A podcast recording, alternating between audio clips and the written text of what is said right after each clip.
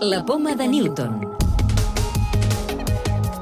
En Purificació Barcelona. Investigadors del CSIC estan desenvolupant un spray bucal que podria enganyar el coronavirus i evitar la infecció. Us en parlem en el programa d'aquesta setmana, en el qual també destaquem els resultats d'un nou tractament contra el càncer de pròstata i també el descobriment de zones fins ara desconegudes del genoma. Científics del CSIC han utilitzat biomolècules que imiten la superfície de les cèl·lules on s'enganxa el SARS-CoV-2 per a la creació del nou spray bucal. El que pretenen és que el SARS-CoV-2 s'adhereixi a aquestes molècules on quedaria atrapat i no es podria propagar. Els primers resultats de la recerca demostren que podria ser eficaç per evitar que la infecció surti de la boca i es propagui als pulmons. Julia Revuelta és una de les investigadores del projecte. Són unes biomolècules naturales, que muchas provienen, por ejemplo, de las algas. Entonces, lo que nosotros intentamos engañar al virus por la unión de estas moléculas que son parecidas a los carbohidratos de la célula y entonces, si el virus se une a nuestras moléculas en vez de a las de la célula, pues evitaría la infección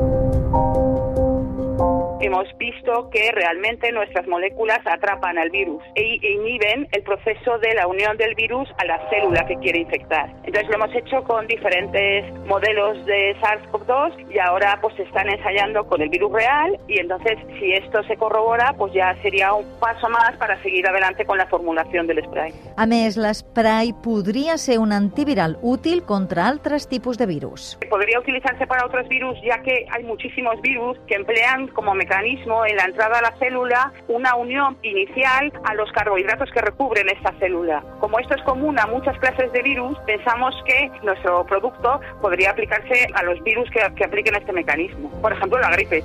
Si els resultats finals de l'estudi són positius, l'esprai es podria desenvolupar i començar a comercialitzar-se d'aquí molt poc temps, ja que es tracta de molècules que ja s'estan utilitzant en altres objectius mèdics.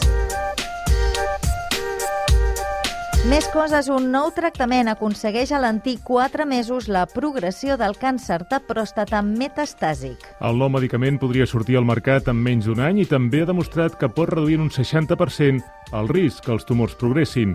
A més, està basat en medicina personalitzada, com comenta Ignacio Durán, oncòleg del sistema urinari a l'Hospital Marqués de Valdecillas de Santander. Este nuevo fármaco funciona y es superior al tratamiento hormonal. Y es superior con una magnitud importante porque el beneficio numérico teórico está en torno a los cuatro meses, la disminución del riesgo de que el tumor progrese está en torno al 60 y tantos por ciento. Les zones fosques del genoma, les més desconegudes, podrien ser determinants en el desenvolupament d'alguns tipus de càncer càncer. És el cas dels tumors de fetge, l'alcèmia limfàtica crònica i el maduloblastoma, un tipus de càncer del sistema nerviós.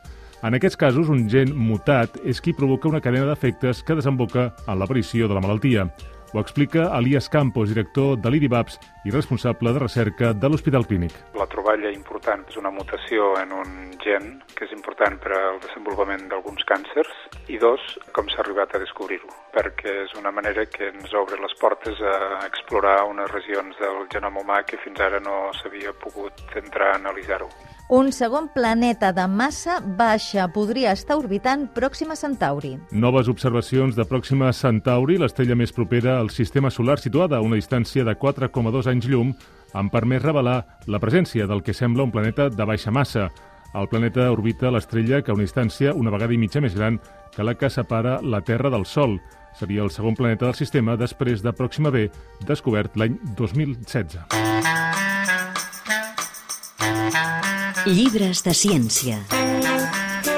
Aquesta setmana el llibre que us recomanem és una nova edició del CSIC sobre les matemàtiques de la pandèmia. L'obra dels investigadors Manuel de León i Antonio Gómez Corral forma part de la col·lecció Què sabemos de? I ens explica les principals tècniques que fan servir els científics per avaluar l'impacte i extensió d'una pandèmia i poder així ajudar al seu control. En aquest sentit, el llibre resumeix les principals eines matemàtiques que s'estan utilitzant per seguir l'evolució de la Covid-19, però també les que han fet servir per evitar la propagació d'altres malalties, com poden ser la varola o la malària. Entre alguns dels conceptes que s'hi expliquen hi ha l'RT, o velocitat de transmissió, o el model CIR, per classificar la vulnerabilitat de les persones davant d'una infecció. La clau de volta. Què són els pèptids? Meritxell Teixidor, investigadora de l'Institut de Recerca Biomèdica. Un pèptid no és més que una proteïna petita i segurament la gent li pregunta si coneix un pèptid i et diu no. Coneixes, saps què és una proteïna? Ja se comença a imaginar una mica més. Doncs no és més que una proteïna petita, és un nom que a partir de que té menys de... Les proteïnes i els pèptids estan formats per aminoàcids i si té menys de 50 aminoàcids doncs la gent ho anomena pèptid científicament.